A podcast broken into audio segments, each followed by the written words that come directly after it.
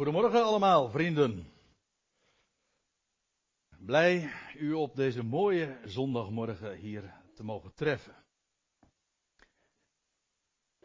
Ik weet niet hoe het u vergaat, maar ik heb soms de indruk dat er van die Bijbelgedeelten zijn die we stelselmatig proberen te vermijden. Want hoewel we in deze gemeente, op deze plaats, erg Paulus georiënteerd zijn, denk ik niet dat er al te vaak gesproken wordt over dit gedeelte. En het is ook wel begrijpelijk. Want er is, laten we wel wezen, een behoorlijke kloof. Dat moeten we toch in ieder geval vaststellen. Tussen de belevingswereld die, van die van de Corinthiërs. En zoals Paulus daarover schrijft in 1 Korinthe 11. En die van ons hier in het Westen 2018. Dat maakt een heel verschil. En het zou natuurlijk ook alweer een, anders zijn dan wanneer, je, wanneer ik deze toespraak zou houden in het Midden-Oosten. Waar dit wel, dat wat hier staat, erg aansluit bij de gebruiken eh, in, die daar zijn. Kortom, het heeft heel erg te maken ook met ja, de omstandigheden waarin je je bevindt, maar ook de, de gedachten die je hebt, de overtuigingen die ons worden verteld. En er zijn nogal wat dingen die in dit gedeelte zojuist ook zijn voorgelezen, die voor ons in ieder geval erg vreemd voorkomen. Ik stel voor, en ik heb het me vanmorgen daarbij niet makkelijk gemaakt, dat vind ik in ieder geval dat ik wel mag zeggen.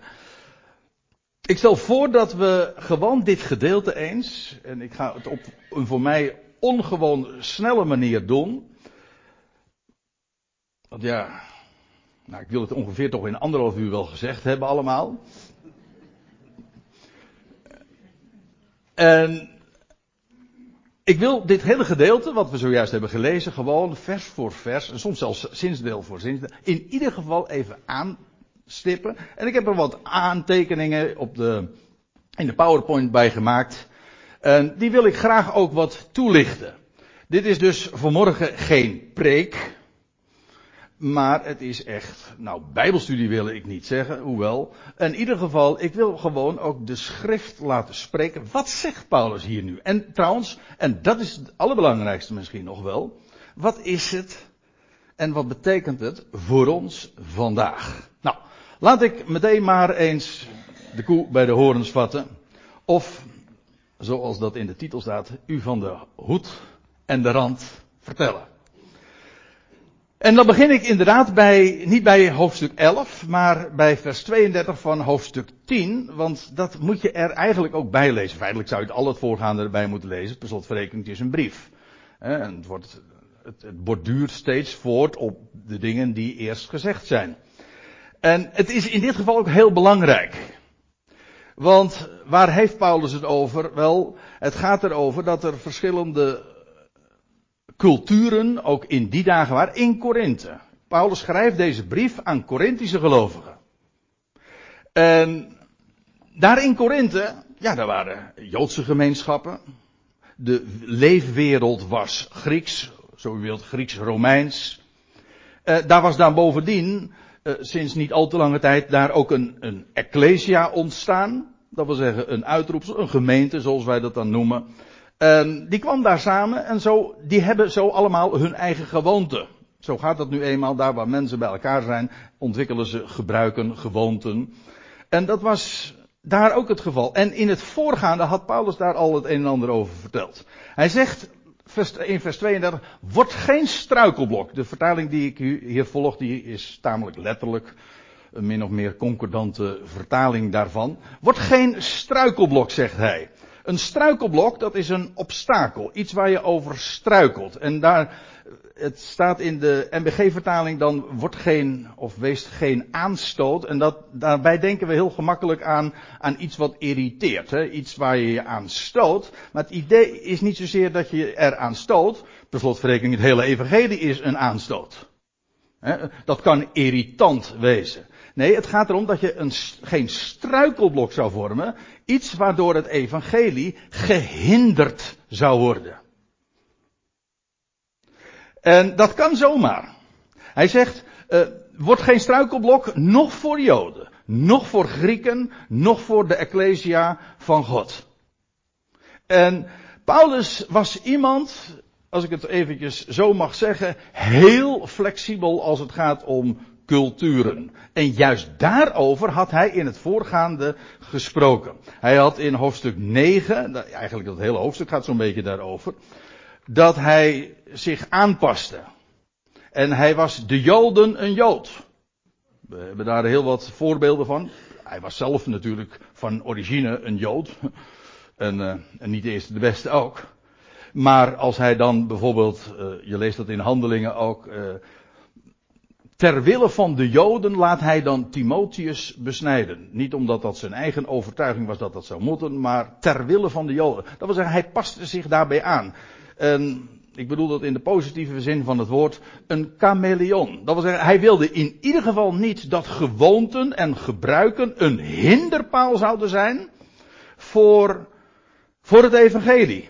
Hij zegt, wees geen, of word geen struikelblok voor Joden, ook niet voor de Grieken. Hij zegt, ik ben voor, de, voor degenen die onder de wet zijn, ben ik geworden als onder de wet. Hoewel ik zelf niet onder de wet ben. Hij zegt, ik ben voor degenen die zonder wet zijn, geworden als zonder wet. Dat wil zeggen, oh, hij zegt, nou ja, ik ben wettig van Christus. Ik behoor hem toe, dat wel.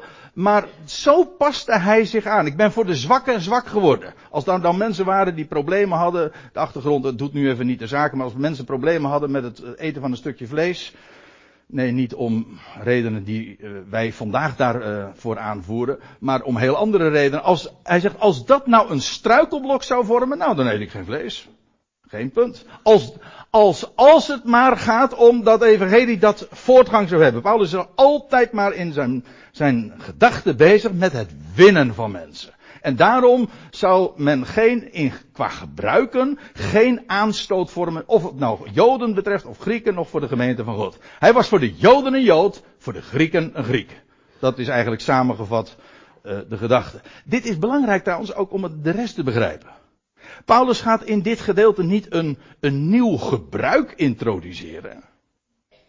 Nee, hij heeft het over een bestaand gebruik. Ik kom daar natuurlijk nog uh, uitgebreid terug. Hij heeft het over een bestaand gebruik. En daar wil hij zich bij aansluiten. Zodat gebruiken geen aanstoot, geen struikelblok zouden zijn voor het winnen van mensen. Hij zegt er nog bij in vers 33, zoals ook ik in allen, in alles, allen behaag. Dat wil zeggen, Joden, Grieken, wie dan ook, zwakken, sterken. Niet om het belang van mijzelf te zoeken, maar dat van velen, zodat zij gered worden. Hij zegt, alles doe ik ter wille van het evangelie. En daarin ging hij heel ver. Soms zelfs veel verder dan uh, collega's van hem, uh, mensen die ook het evangelie doorgaven, dat eigenlijk acceptabel vonden. Maar alles deed hij ter wille van dat evangelie. Dat was zijn, zijn hele punt. Opdat ze gered worden. Dat wil zeggen, opdat ze kennis zouden krijgen van, van de redder en daardoor ook gered zouden worden. Het is niet zo, dat wordt wel eens een keer gezegd van, uh, dat we zouden leren dat allen gered zijn. Nee, God is de redder van alle mensen. Dat wil zeggen, hij redt alle mensen. Dat doet hij door geloof. En iedereen komt ook eenmaal tot die erkenning. Maar Paulus ging het erom om mensen te winnen. Om mensen te, mensen te winnen voor die geweldige boodschap van genade, zoals Frans dat zojuist ook noemde. Alles deed hij in het belang daarvan en hij cijferde zich, zichzelf en zijn eigen gewoonten en zijn eigen ideeën en zijn eigen voorkeuren daarbij volledig weg. Dat is de inleiding. Dat is erg belang. Erg belangrijk. Hij zegt daarbij dan ook, word navolgers van mij. Zoals ook ik van Christus. Dat wil zeggen, het gaat er niet om dat je Paulus navolgt. Nee, wij volgen Christus na. Hoe? Zoals Paulus dat deed. Hij, Paulus was ook, ja, een missie. En dat is trouwens ook de actualiteit voor ons vandaag. Ik per slotverrekening, we zijn niet voor niks Paulus georiënteerd. Paulus is die leermeester van natieën. Dat wil zeggen, hij was erop uitgestuurd om in, onder de wereld, of in de wereld, onder de natieën, ongeacht welke culturele achtergrond ook, om ze te confronteren met die geweldige boodschap.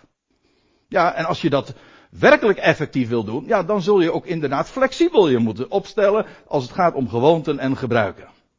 Maar Paulus is die leermeester. Op hem richten wij ons ook. In het bijzonder. Ik bedoel, de hele Bijbel uh, die is aan ons gegeven. Maar wat is daarbij onze, ja, onze sleutel? Via wie doen wij dat? Of bij wie gaan wij in de leer om die schriften te verstaan?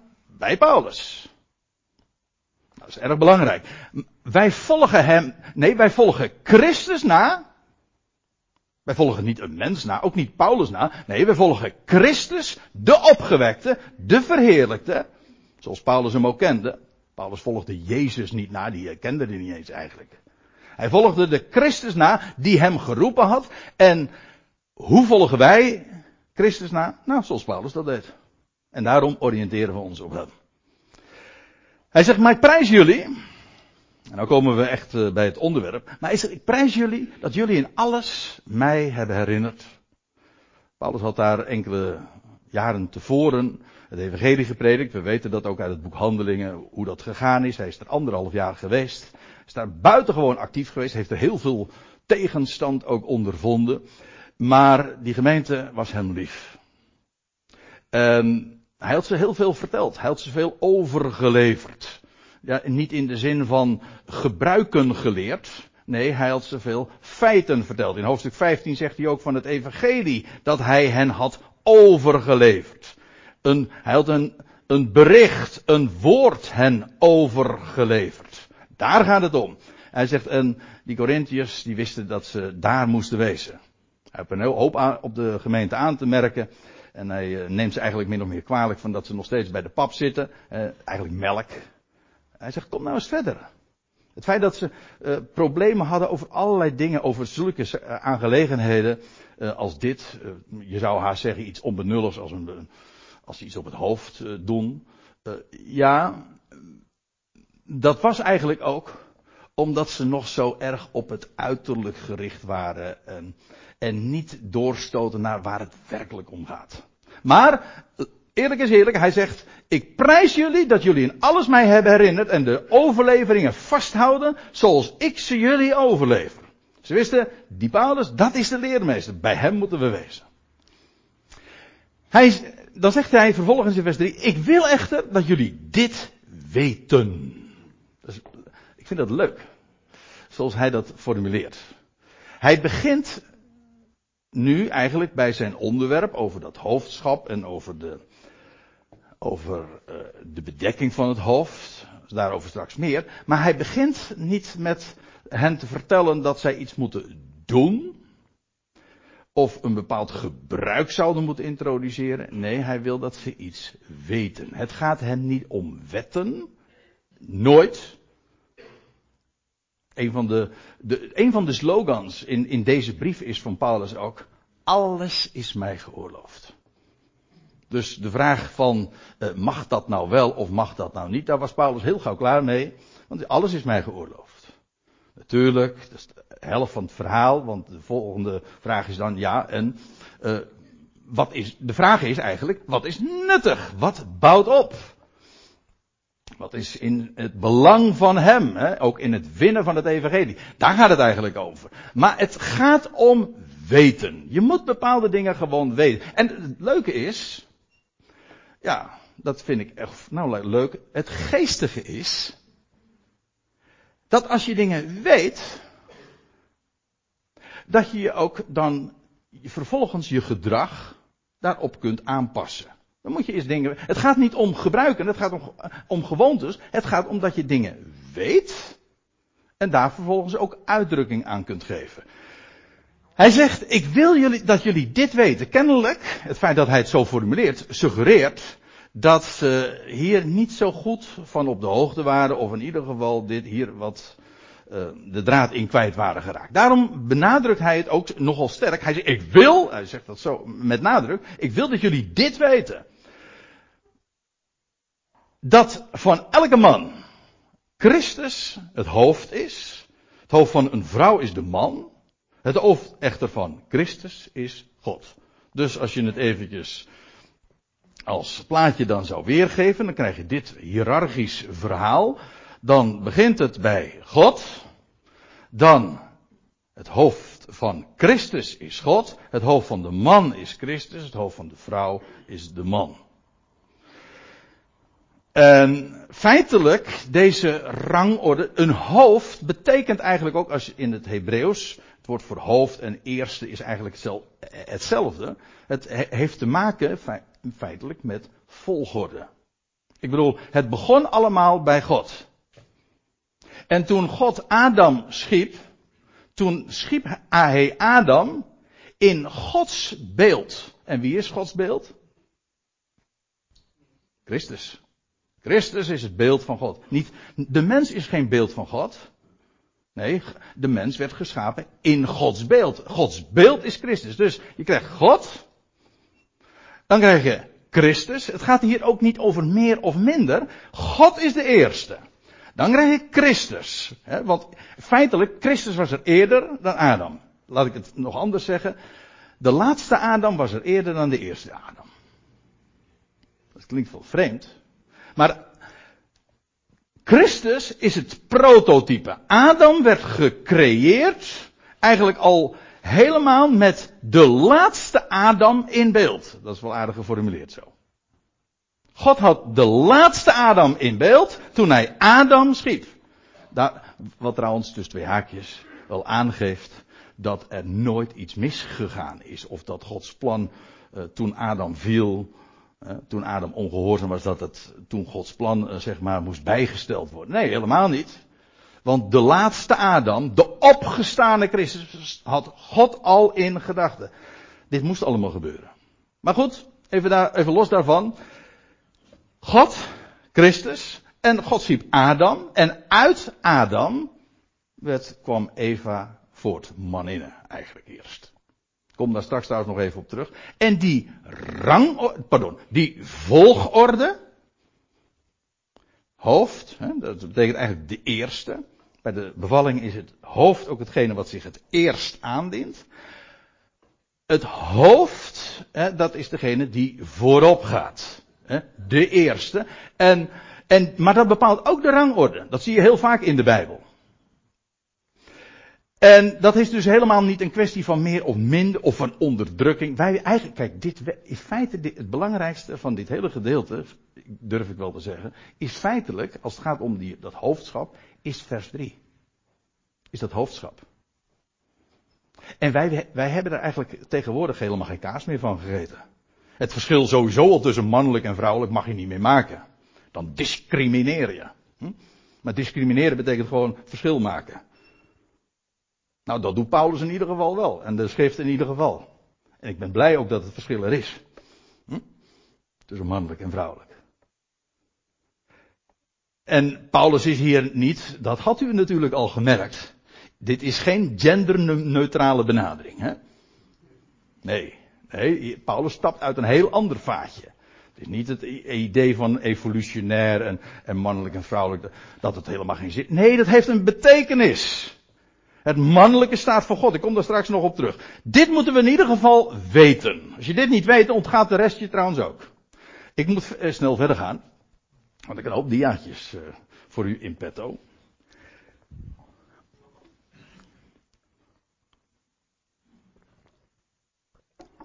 Nou zegt hij, elke man die bidt of profeteert, bidden. Het gaat hier over publiek, hè? am publiek bidden en profeteren. Bij bidden, dan spreek je namens de anderen tot God. En bij profeteren spreek je namens God tot de anderen. Maar het gaat hier over dat, dat, die publieke bediening. Hij zegt, elke man die bidt of profeteert met gesluierd hoofd, doet zijn hoofd schande aan. Dat gesluierd hoofd, dat in de meeste vertalingen staat hier een bedekt hoofd of uh, iets in die geest. Maar in het Grieks staat hier een woord dat wil zeggen dat, uh, vandaar ook in deze vertaling, gesluierd. Het gaat namelijk om iets op het hoofd dat naar beneden gaat, dat neerwaarts is, gaat. Dus Paulus heeft het niet over een hoed, sorry, over die hoed en de rand gesproken, hè? Hij heeft, hij heeft het over, een, over iets wat naar beneden hangt. Een, wij zouden zeggen dus een sluier. En dat bepaalt ons natuurlijk meteen ook bij het fenomeen dat wat wij helemaal, in, zeker tegenwoordig, niet meer kennen, uh, dat idee van, het, van hoofdbedekking. Nou ja, behalve om modieuze redenen, op uh, Prinsjesdag of zo, weet je veel. Maar voor de rest niet meer. Maar dit had in de hele Grieks-Romeinse wereld gingen vrouwen per definitie altijd gesluit. Dat was helemaal niks bijzonders. Dat was de wijze waarop men in het openbare leven zich vertoonde. Maar een man niet. Een man, en zeker als hij dan publiek optrad, hè, in zo'n bidden, profiteren, met gesluit hoofd, die deed zijn hoofd schanden aan. En dat is leuk, want, uh, ja, ook hier weer, uh, toch bijzonder. Hij zegt, hij doet zijn hoofd schande aan. Wie was zijn hoofd? Nou, het voorgaande vers had gezegd, het hoofd van elke man is Christus. Als een man dan aan publiek zou bidden en profiteren, dan zou hij zijn hoofd schande aan. Dat wil zeggen, Christus. Dat wil zeggen, eigenlijk, je, je krijgt hier twee gedachten bij het woordje hoofd. Hij spreekt over het fysieke hoofd als uitdrukking van het geestelijke hoofd. Dit is mijn fysieke hoofd. Mijn geestelijke hoofd is Christus. Maar als ik nou als, als, als een, een man, hè, als man zich opstelt en bidt en profiteert, er zijn ook mannelijke functies, ik kom daar ook nog even op terug, maar dat zijn mannelijke functies en hij zou zijn hoofd bedekken, dan, dan feitelijk wat hij dan doet is de glorie van Christus bedekken. En dat is eigenlijk een schande voor hem. Maar ik, ik lees verder, maar elke vrouw, dus over een man had hij gezegd, die doet dat niet.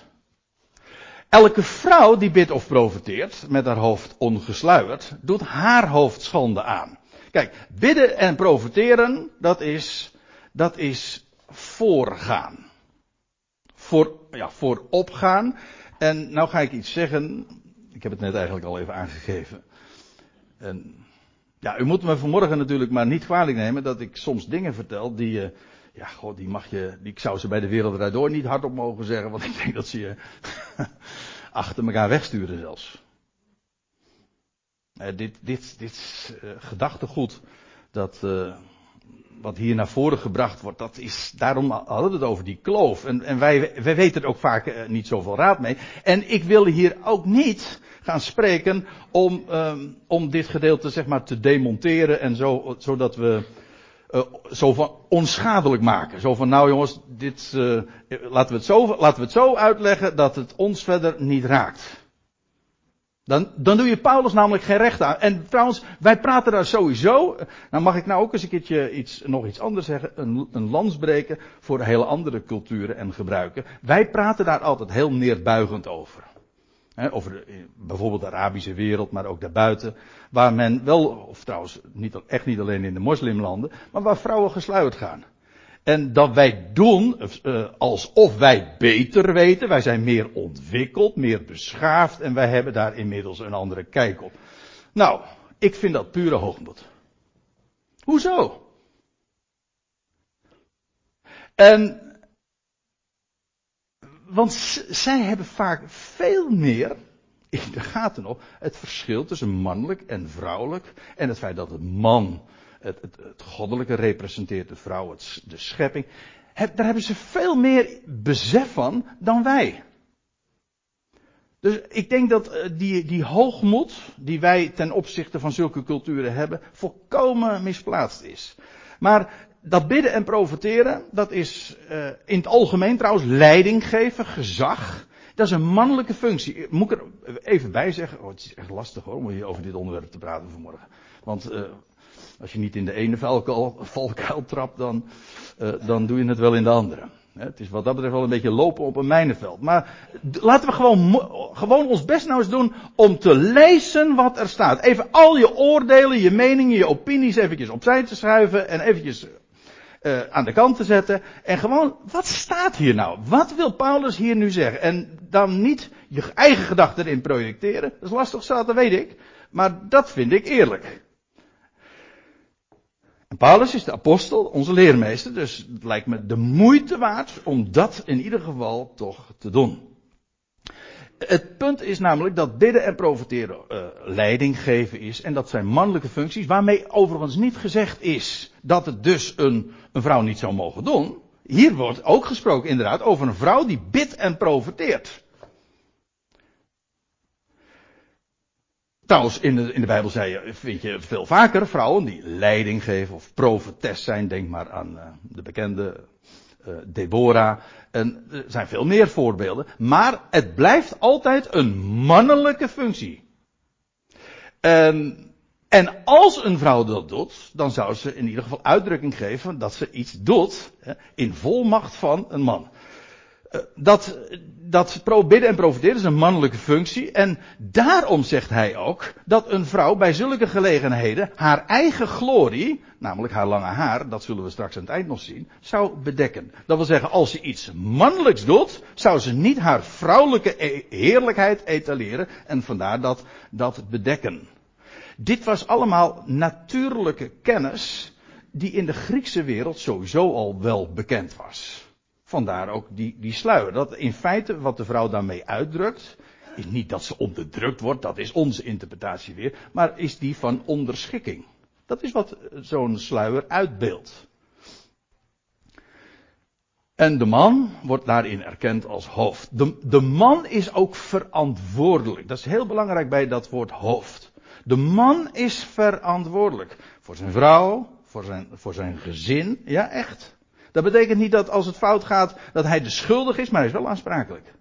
En de mensheid is in Adam gevallen, niet in Eva. Adam is namelijk aansprakelijk. Hij is het hoofd.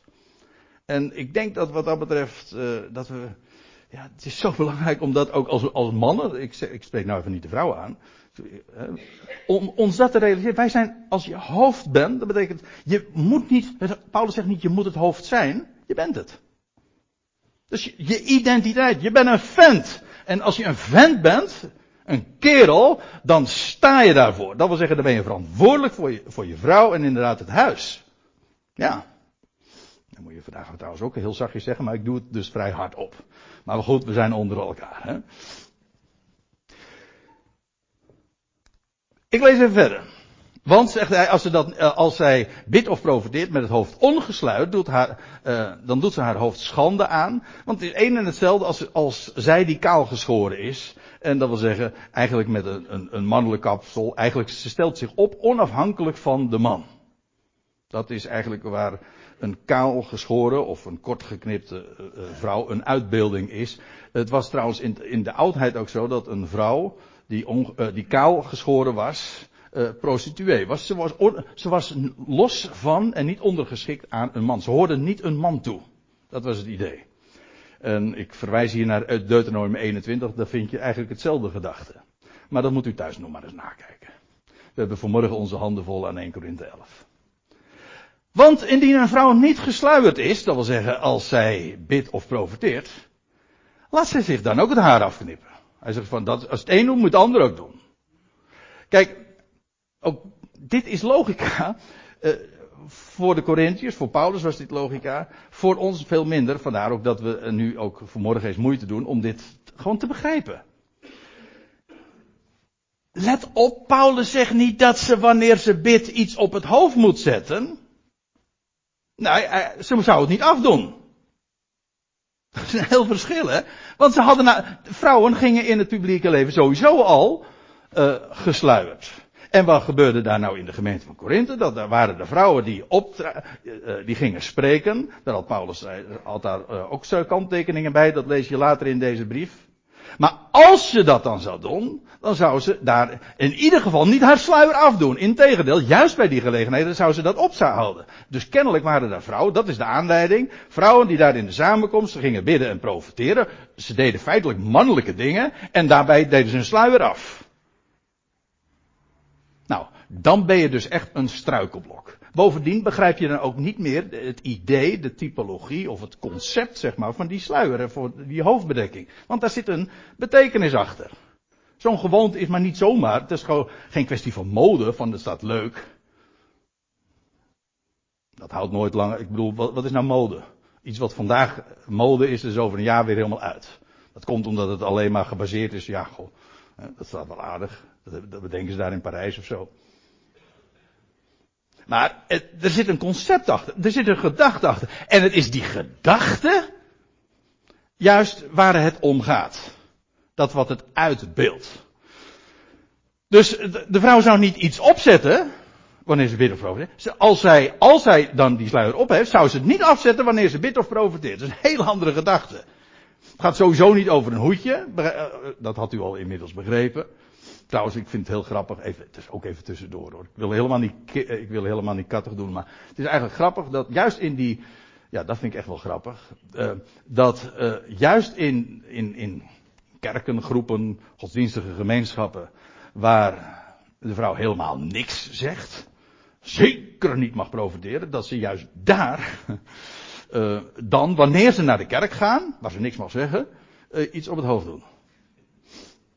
Dat, ja, dat is, dat is niet logisch. Dus men mag, uh, ogenschijnlijk lijkt het alsof ze zich baseren op 1 Korinthe 11, maar als je, dan moet je ook niet al te goed kijken naar dat gedeelte hoor. Maar goed. Indien een vrouw niet gesluierd is, laat ze zich dan ook het haar afknippen. Dat wil zeggen, uh, ze zou zich niet ontdoen van haar sluier. En dan laat haar haar dan ook, uh, laat haar dan ook het haar afknippen. Hè. In beide gevallen openbaart ze zich namelijk dan als man. Maar indien, maar indien het schandelijk is, dus daar gaat hij vanuit, ervan uitgaande dat het schandelijk is voor een vrouw het haar af te knippen of te scheren, laat ze zich dan sluieren. Zie je, uh, hoe de gedachtegang is. Het gaat om de consequentie. Als je het een doet, zou je ook het andere doen. Oké, die logica of die link, die ontgaat ons misschien, vandaar ook dat we daar nu over nadenken. Maar dat is wat Paulus naar voren brengt.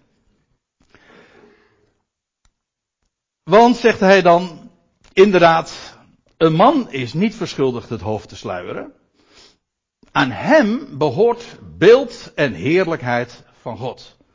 Ja, nou ga ik nog iets. Uh, ik zeg vanmorgen heel wat tricky dingen hoor. Maar, nou ja, ik zeg, uh, Paulus zegt, de man aan hem behoort beeld en heerlijkheid van God. Ja, want wat, dit refereert direct ook aan Genesis. Want je leest in Genesis 1, 1 eh, vers 27, in Gods beeld, het is later in de brieven van Paulus met name dan waar verteld wordt, ja, het beeld Gods, dat is Christus.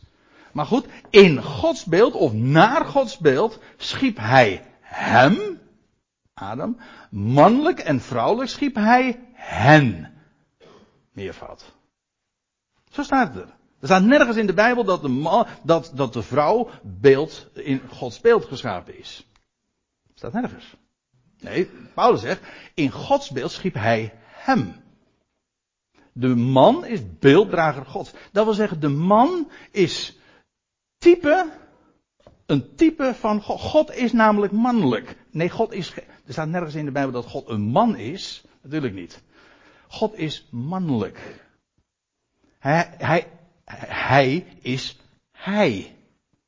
Hij is vader. Hij is de creator.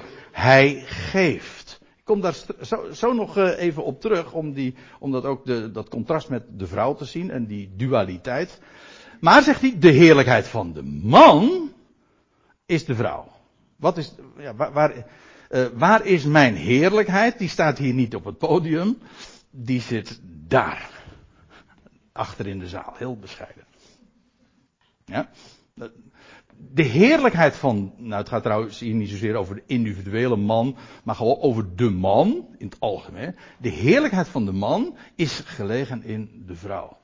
Ik lees even verder, want om straks eventjes het allemaal op een rijtje te zetten. Want de man is niet vanuit de vrouw, maar de vrouw vanuit de man.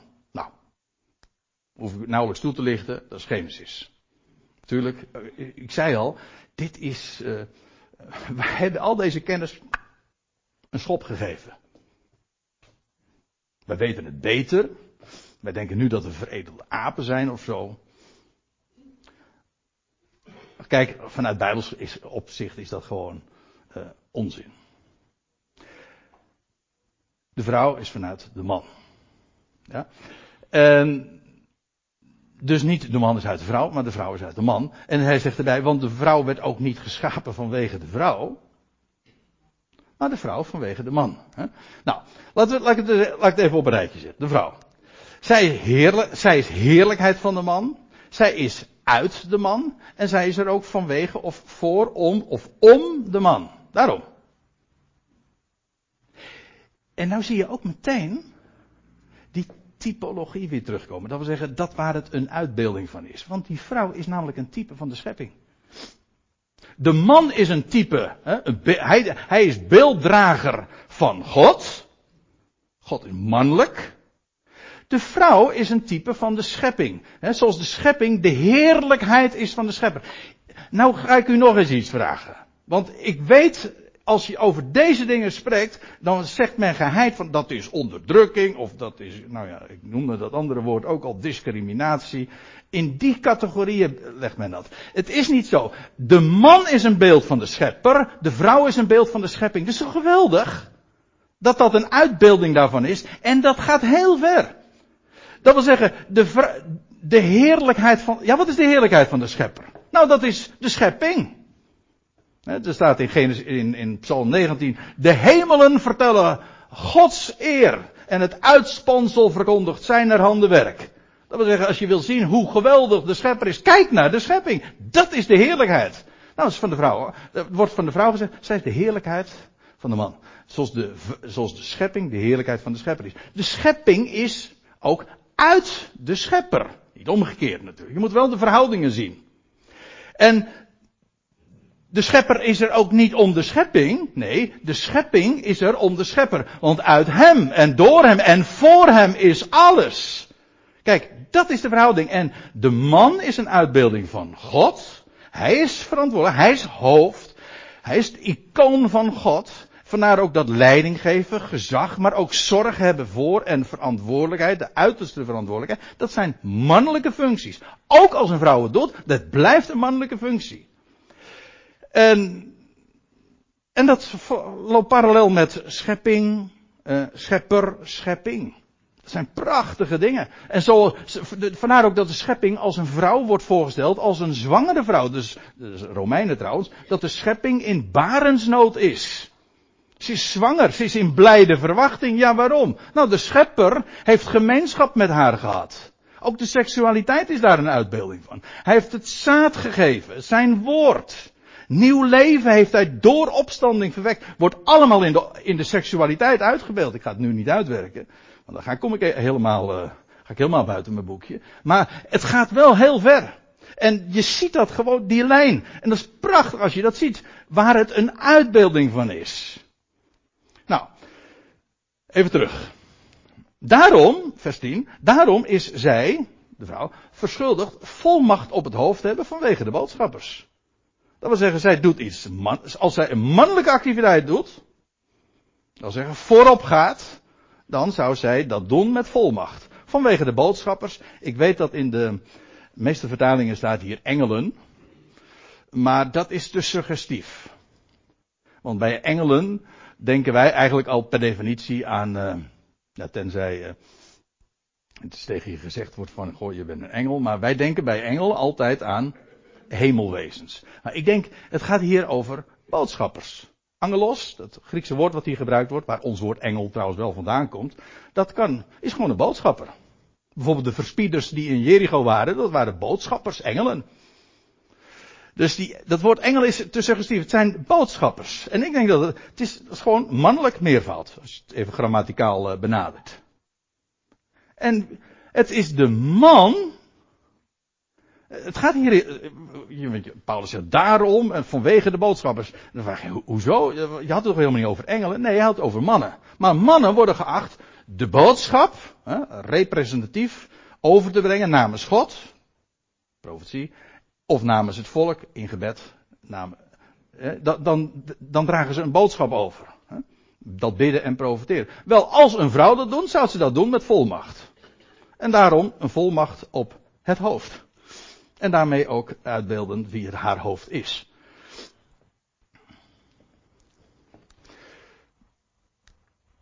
Evenwel, zegt Paulus, dat is de andere kant. Uh, dat is de nuance die hij dan ook daarin brengt. Uh, er is geen vrouw zonder man. Uh, nog man zonder vrouw in de Heer. Uiteraard de nadruk ligt dan op die, op die tweede zinsdeel. Er, dat is altijd met dualiteiten zo. Er is, het woord dag zou niets betekenen als er ook geen nacht was. Of als er geen zomer was, dan zou, het, zou de andere seizoenen ook helemaal geen betekenis hebben. Het een bestaat bij de gratie van het andere. Het mannelijke bestaat bij de gratie van het vrouwelijke en vice versa. Want, zegt hij, zoals de vrouw vanuit de man is, dat is Genesis, zo is ook de man door de vrouw. Uh, meestal wordt het dan uitgelegd of heel uh, opgevat van, oh ja, wij, uh, natuurlijk de man die komt ter wereld via de vrouw. Nee, maar daar, gaat, daar heeft hij het niet over. Hij zegt, het, het idee is dat, kijk, toen Adam gecreëerd werd, was hij geen man, was hij mens. U zegt, is een man is nog geen mens? Nee, we eventjes mijn verhaal afmaken. Adam was eerst mens en pas bij de creatie van de vrouw of maninne werd hij man. Dat is logisch. Pas toen er een, het vrouwelijke er was, werd hij, werd de mens mannelijk. Toen pas kreeg dat uh, betekenis. Door dat contrast, door de vrouw werd de mens man. Daarvoor was hij gewoon mens. Maar zegt hij, alles is vanuit God. Laten we wel eventjes ook daarin weer uh, goed nagaan. Bij hem is het allemaal begonnen. En dan zegt hij in vers 13, oordeelt onder jullie zelf. En nou, kijk, tot dusver heeft hij onderwijs gegeven. Hij heeft hen, uh, in feite de enige instructie die hij hen gaf, van als je, als je nou uh, je bedekking afdoet wanneer je bidt of profiteert, dan moet je ook la, laten kaalscheren. Dat is eigenlijk de enige instructie, de rest is allemaal onderwijs. En nu gaat hij, zeg maar, hen zelf vragen stellen. Oordeelt zelf. Hè. Paulus stelt een, een vraag. Hij stelt geen wet hier. Dat is ook helemaal niet, dat is volkomen buiten de orde. Van dat Paulus hier een nieuwe, nieuw gebruik zou introduceren.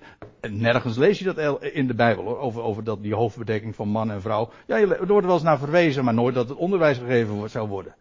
En het zou toch helemaal van de zotte zijn dat Paulus, de apostel die, eh, van, van de genade en van de vrijheid, nu hier een nieuwe wet zou opleggen. Terwijl die juist in de hele context had verteld van de Joden een Jood te zijn en de Grieken een Griek en alles te doen ter wille van het evangelie. Dat doet hij ook niet.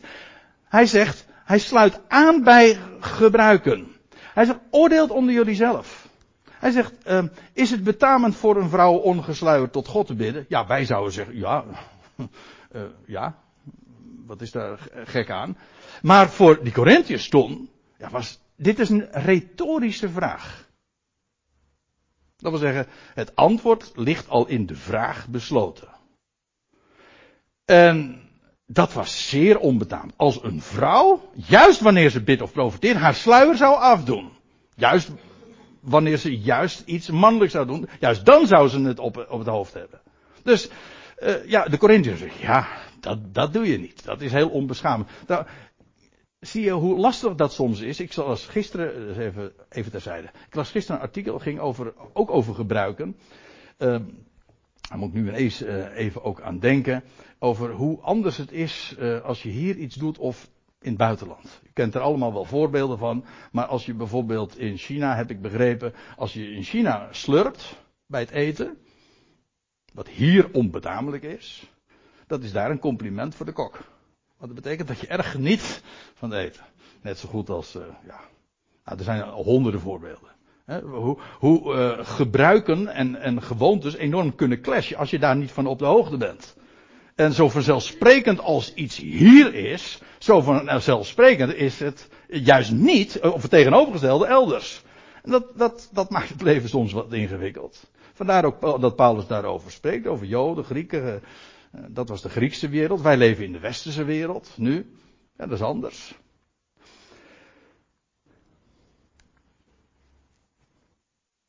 Ja, ik moet verder gaan. Ja, nee, het wordt geen anderhalf uur. We, nog even. Want ik wil eventjes bij vers 16 uitkomen. Hij zegt onderwijst, want nu, hij, hij gaat zijn vraag, zijn retorische vraag gaat hij nog wat nader toelichten. Hij zegt onderwijs de natuur, jullie, de natuur, jullie zelf ook niet, dat indien een man lang haar zou dragen, het zonder eer voor hem is. Um, in de MBG-vertaling, nou even kritiek. De MBG-vertaling staat hier dat het een schande voor hem is. Daar staat er niet, staat letterlijk gewoon zonder eer. Het is geen schande voor een man, om, maar het is niet zijn eer. Dat wil zeggen, het is gewoon, elders wordt het in Romeinen 9 vertaald met alledaags. Dat wil zeggen, er is niks, als een man lang haar draagt, is dat niks bijzonders. Uh, het is, uh, ja, gewoon banaal. Niks, niks, ja, niks bijzonders of speciaals. Als een man lang haar zou dragen, dan is dat helemaal geen eer voor hem. Maar, zegt hij, indien een vrouw lang haar zou dragen, het heerlijkheid voor haar is. Dat wil zeggen, de natuur leert je dat toch? Want het lange haar is haar gegeven in plaats van, in plaats van een mantel. Ja, niet een sluier, een mantel. Het, is eigenlijk, het woord wat hier gebruikt wordt is een omslagdoek. Een cape. In de, als het in de Oude Testament, in de Septuagint ook weergegeven wordt, dan gaat het over een, een duur gewaad.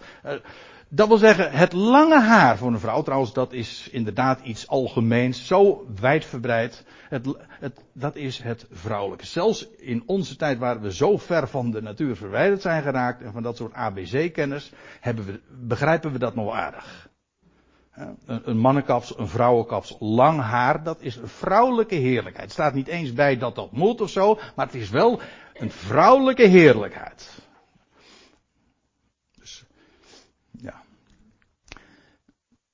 Is, uh, en daarom, kijk, en waarom zegt hij nou dat in dit verband? Wel, hij zegt daarom zou ze het bedekken als ze een mannelijke taak uitoefent. Stel je voor dat een vrouw nu iets mannelijks doet. Nou, dan zou ze haar eigen heerlijkheid bedekken. Dat is wat Paulus hier zegt. Dan zou je juist je volmacht aangeven en niet je eigen, uh, tot je eigen glorie, zeg maar, verheerlijken. En dus niet bij die gelegenheid juist uh, die bedekking afdoen. Maar, zegt Paulus, en zo eindigt hij het gedeelte. En daar ben ik ook wel weer blij mee. Want hij helpt uh, André Piet anno 2018 daar ook wel mee om zijn toespraak af te sluiten. Hij zegt, indien iemand meent gelijkhebberig te zijn. Wij hebben zulke een gewoonte niet en evenmin de Ecclesia's van God. Paulus wil één ding in ieder geval niet gaan twisten of discussiëren over gewoontes. Want laten we wel wezen, nou, uh, over een, deksel op je hoofd hebben of in het algemeen iets van kleding. Daar kunnen we het best eens even over hebben, maar ga er alsjeblieft geen ruzie over maken. Bepaalde dingen sluiten aan bij gewoonten. Paulus wil daar geen twist over hebben. Dus als mensen, dat is eigenlijk wat hij zegt. Als jij, denk je er anders over? Nou, hij zegt, uh, wij hebben zulke gewoonten niet. Weet je wat hij wil? En zo wil ik afsluiten. Wat hij, hij wil niet hierover twisten. Er zijn bepaalde gewoonten, sluit je daarbij aan. In dit geval ook een gewoonte van de gemeente van God. Hij zegt, ik hoop u dat u dat ook vasthoudt. En ook als de hele, het hele raamwerk van 1 Korinthe 11. Geen struikelblok te vormen voor het evangelie. Alles gaat om het goede bericht van God. Die, deze, die houdt van deze schepping, die een geweldig plan heeft. Die de man is en ook verantwoordelijk stelt en die deze wereld, ik bedoel het met heel eerbiedig, die deze, deze schepping zwanger heeft gemaakt. In blijde verwachtingen zijn we, omdat we het woord, het zaad van de wedergeboorte, zoals Petrus dat zegt, hebben ontvangen. Deze schepping is in blijde verwachting. Nou, dat is de geweldige boodschap die we mogen uitdragen. En wees dan geen struikelblok, een blokkade, of een blokkade, um, een aanleiding tot vallen voor andere mensen. Of dat nou Joden zijn, of Grieken, of de gemeente Gods, of Rotterdammers, of uh, hm? wie dan ook. Geen struikelblok te vormen. En dat we zouden weten hoe het zit. Hij, daar begon hij ook mee. Ik wil dat jullie dit weten. En als je dat eenmaal weet, dan kun je ook vervolgens je gedrag daarop aanpassen. Feitelijk is dat ook het startpunt van dit hele gedeelte. Jullie, we zouden weten hoe het zit met het hoofd. Wie het uiteindelijke hoofd is. God.